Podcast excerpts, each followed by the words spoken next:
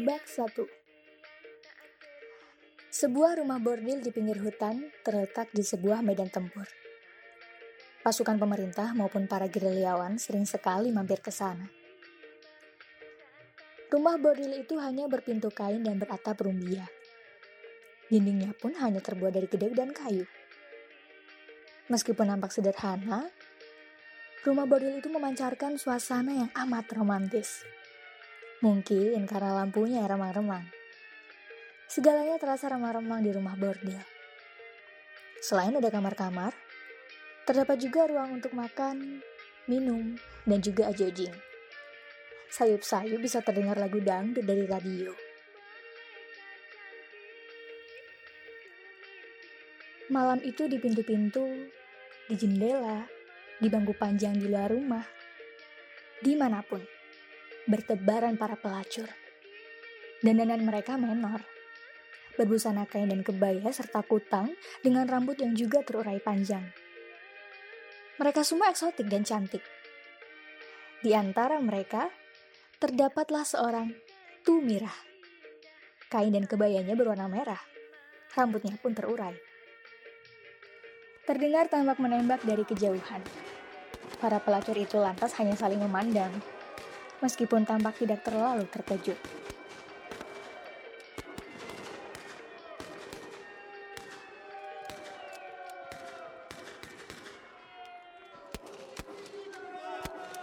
Uh, mereka mulai lagi. Di mana sih mereka bertempur? Di bukit-bukit sebelah timur, Mbak. Gerilyawan memancing pasukan pemerintah yang berpatroli di dalam hutan.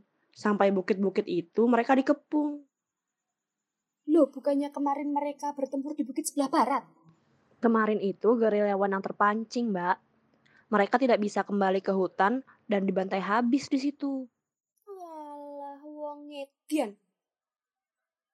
Heran aku. Senang sekali sih saling tembak begitu. Mending kalau masih anak-anak. Ini sudah besar-besar, komandannya saja sudah beruban yang pasukan pemerintah, yang gerilyawan, podo kabeh. Menganggap perang adalah sesuatu yang benar, hebat, wajib tugas kesatria. Tai kucing lah. Bertempur terus hampir setiap hari. Katanya zaman semakin maju, kok manusianya tidak tambah pintar? Masih terus saling membunuh, kayak orang primitif wae. Heran aku. Kodok saja tidak begitu. Memangnya Mbak Temirah mau jadi kodok? Ya nggak mau lah. Nanti digoreng lagi sama kamu. Saya sih mau menggoreng Mbak Tumirah. Tapi di tempat tidur. Eh, eh, eh. Mau eksperimen kamu? Sudah, sama laki-laki saja lah. Eh, Mbak Tumirah. Gini ya, Mbak laki-laki itu membosankan. Mau pasukan pemerintah, mau gerilyawan, cepat sekali mereka keok. Loh, tapi Mahmud tidak cepat keok. Kadang-kadang malah begitu lama. Bahkan sampai waktu pasukan pemerintah datang, dia baru selesai. Mahmud? Oh, yang sembunyi di kolong tempat tidur itu? iya, Padahal ada yang begitu masuk langsung naik. Naik ke tempat tidur? Ya, ke mana lagi mbak? Terus gimana? Ya begitu. Gitu gimana? Ya, waktu tentara itu main, Mahmud ada di bawah tempat tidur. Cemburu dong. Katanya, Hampir saja yang menembak, Mbak. Wiladalah, terus gimana tuh Mahmud lolos? Ya, terpaksa dia menunggu sampai selesai. Berarti dia dengan kamu orgasme dong. Ah, orgasme pura-pura. Mana bisa aku orgasme sama pasukan pemerintah? Hanya sama Mahmud aku bisa orgasme. Ah.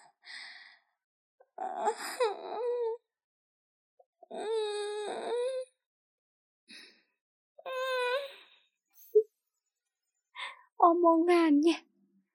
Orgasme, orgasme. Kayak seksolog aja. Eh, Mbak Tumira. Kita tuh lebih pintar ketimbang seksolog. Oh iya? Kita bukan cuma tahu. Kita mengerti. Kita merasakan dan mengalami dengan seribu satu laki-laki. Itu bukan jaminan kalian tahu segalanya tentang seks. Tapi ya sedikit-sedikit tahu lah mbak. Jelek-jelek kan juga pekerja seks. Masa nggak tahu apa-apa tentang seks? Iyalah, percaya kalian pakarnya. Aku tidak tahu apa-apa tentang seks. Tidak tahu apa-apa tentang seks. Mana ada germo yang masih diburu-buru diajak main seperti Mbak Tumira. Kalian ada aja. Iya, Tumirah namaku. Germo pekerjaanku. Muncikari kalau dalam kamus besar bahasa Indonesia. Sudah tua aku sebenarnya. Sudah 40 tahun. Ya, cukup layak untuk pensiun. Dan aku memang sudah pensiun sejak beberapa tahun yang lalu.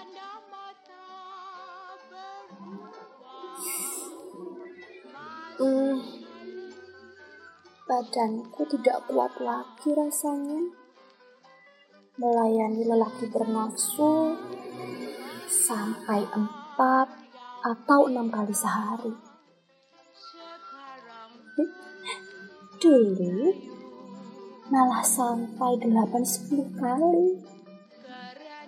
Tapi sekarang aku sudah sudah gak kuat lagi. Koyokku nih loh, pegel ini.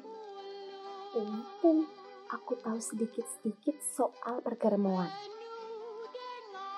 Ya, tidak ada lagi yang bisa kukerjakan sekarang selain jadi germo.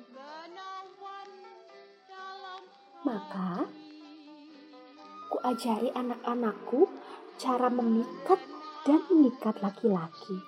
Sehingga, meskipun laki-laki itu sudah memiliki pacar atau anak istri, mereka akan selalu kembali kemari untuk menghidupi kami. Tentu saja, dunia ini selalu membutuhkan pelacur. Profesi yang tertua kalau kata orang. Aku bukan ahli sejarah, tapi aku setuju.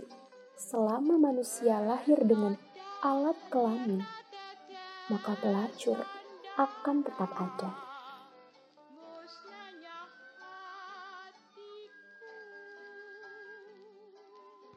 Mbok Tumira, Iya, tentara-tentara makin banyak sekarang.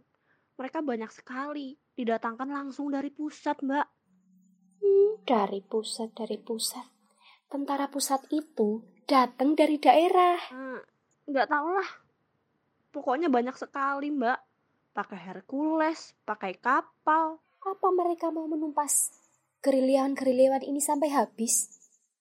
Dari dulu juga katanya mau menumpas, Mbak. Nyatanya masih ada saja gerilyawan. Katanya sih memang dibiarin begitu. Buat latihan perang. Wih, sadis amat. Matinya kan mati beneran tuh. Iyalah. Sudah berapa pacarku yang gerilyawan mati? Tapi gerilyawan itu masih ada saja ya? Nggak mati-mati. Ya itu karena rakyat ada di pihak mereka. Suara tembak-menembak semakin terdengar sayup dari kejauhan. Kadang-kadang mendekat, tapi segera menjauh. Hus! Hus, sana! Kalau perang jangan dekat-dekat sini. Woi, sana! Bertempur di bukit sana, di hutan. Kalau istirahat, baru di sini. Eh, dengar nggak tuh? Kok jadi sepi? Perang terus juga ya bosen, Mbak. Nah itu. Heran aku loh. Kenapa tidak berhenti saja? Damai saja, salaman. Lantas senang-senang saja semua di sini. Kalau mereka damai, terus nanti siapa yang pakai kita? Terus kita hidupnya gimana? Iya mbak, kalau mereka kembali kepada keluarganya, bagaimana kita nanti? Walah, kayak gitu kok diambil pusing. Makanya kalian kawin dong. Di antara begitu banyak laki-laki itu, masa tidak ada yang cinta sama kalian? Ada sih mbak, banyak malah. Tapi kan kita harus kawin hanya dengan orang yang kita cintai. Cinta, cinta. Apa pelacur itu mengenal cinta? Loh, memangnya Mbak Tumirah nggak pernah jatuh cinta?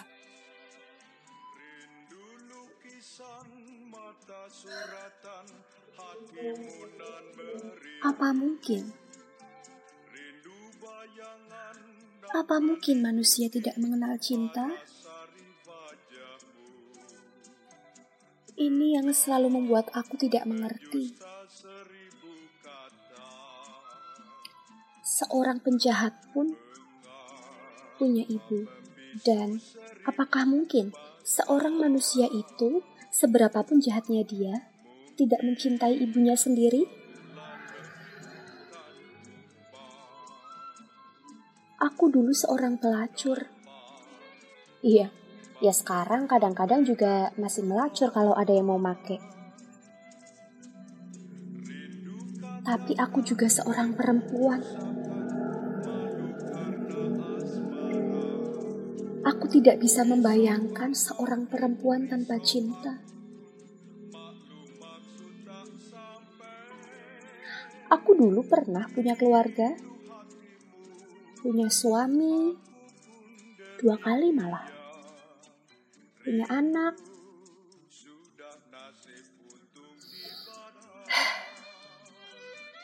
Jadi, aku tahu apa itu cinta, kangen, rindu. Aku tahu.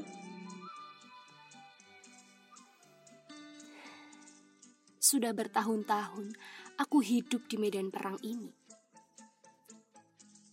Dan aku tahu kalau orang-orang yang saling bertempur itu sebenarnya juga punya cinta. Yang aku tidak bisa mengerti bagaimana caranya akal manusia-manusia itu menerima kalau pembunuhan itu boleh dilakukan. Ini perang, kata mereka kalau kutanya. Ini perang. Aku tahu, barangkali aku bodoh, maklumlah aku cuma lulusan SMP. Tapi apakah pertanyaanku ini masih bodoh? Apa betul manusia itu begitu pintarnya sehingga bisa membenarkan pembunuhan atas nama kehormatan? Apa iya sih perang itu betul-betul soal kehormatan? Kalau iya, perang saja terus sampai mampus.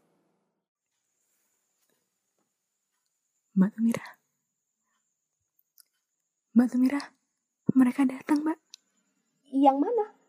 Pasukan pemerintah atau gerilyawan? Is, bukan, bukan dua-duanya. Rombongan penari. Oh iya? Asyik. Rombongan Didi Nini Towok masuk dan beraksi membawakan tari Samintan Edan. Semuanya ajojing dan larut dalam irama lagu dangdut.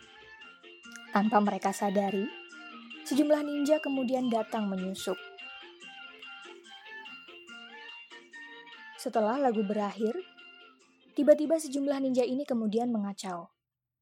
Salah satu ninja menembakkan senapan mesinnya ke udara.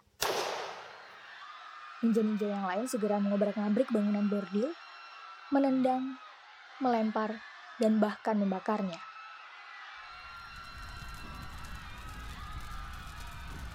Para ninja itu kemudian memperkosa para pelacur.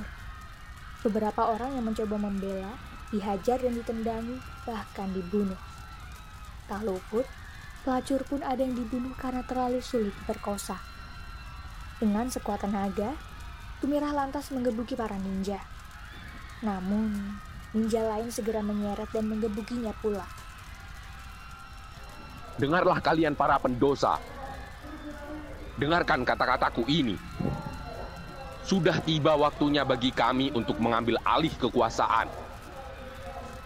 Dan dengarlah bahwa dalam kekuasaan kami, segalanya harus berlangsung secara tertib dan serba terkendali. Kami tidak sudi ada noda hitam dalam kekuasaan kami yang serba putih, bersih, dan murni.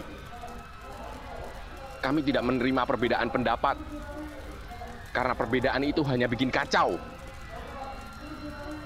Kami menawarkan sebuah dunia yang seragam, tertib, dan teratur. Sebuah tawaran yang kami paksakan demi kepentingan ketertiban dan keamanan negara ini. Mau jadi apa bangsa ini kalau cuma saling gebuk? Sudahlah, serahkan saja pada kami.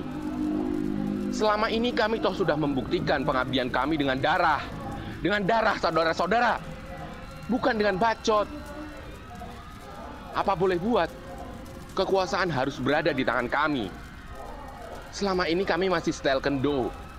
Tapi coba lihat, dengan kerusuhan seperti ini setiap hari, siapa lagi yang bisa mengatasinya kalau bukan kami? Jangan sok Kalian semua belum layak ikut campur dalam pemerintahan. Apa boleh buat? Kalau perlu kekerasan, kami ambil dengan jalan kekerasan.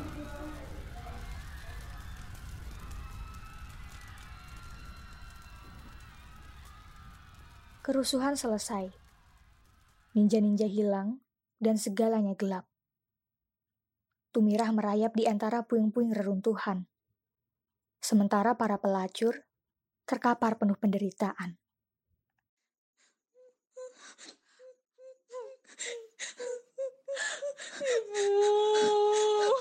Ibu. Ibu di sini.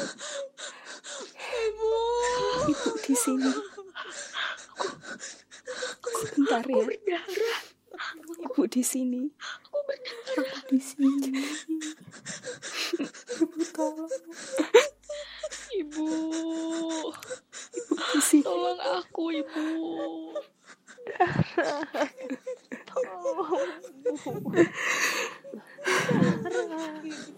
Dok. Dok, kalian di mana, Dok? Berdarah. Dok. Dok, Aku berdarah. Ibu. Ibu tolong, Bu. Ibu aku berdarah. Kalian di mana? Ibu. Astri. Aku ingin mati, Bu. Mina. Dok. Aku ingin Dok, kalian di mana, Dok? Dok. Kalian di mana?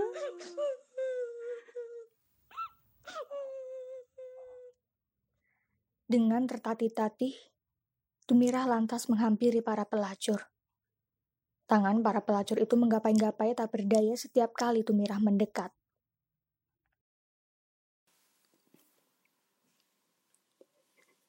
Semuanya sudah berlalu.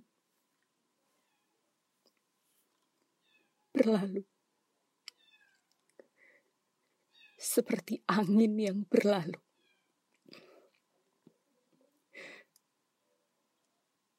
Para pelacur terindah yang paling layak dicintai dan paling bersemangat dalam hidup ini telah hancur.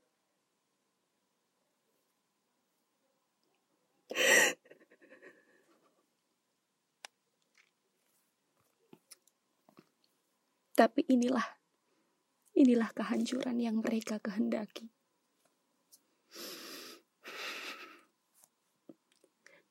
Inilah kehancuran yang bisa dijual.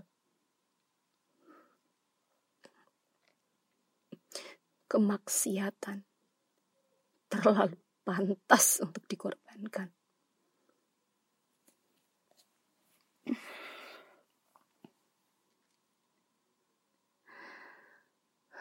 Apalah artinya para pelacur di dunia ini? Mereka boleh dihina dan dihancurkan. Boleh diinjak-injak dan dilecehkan. Seolah-olah mereka begitu pantas dan layak untuk diperkosa.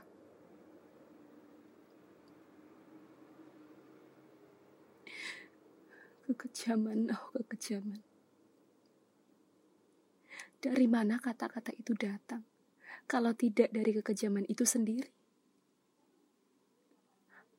Apakah karena kami hanya pelacur? Maka kehormatan kami boleh diinjak-injak. Apakah karena kami pelacur, maka kami tidak boleh memperjuangkan harga diri kami? Tapi nyatanya, kehancuran kami ini dijual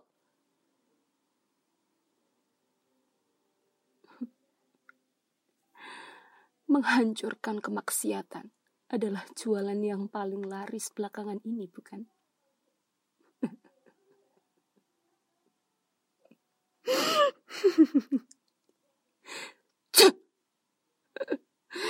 Muak aku memikirkan ulah para politisi.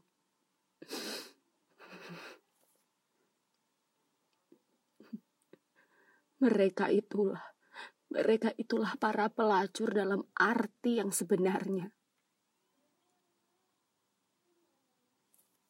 Mending kalau mereka menjual barangnya sendiri. Para politisi itu paling pintar menjual bukan cuma barang, tapi juga bangkai orang lain.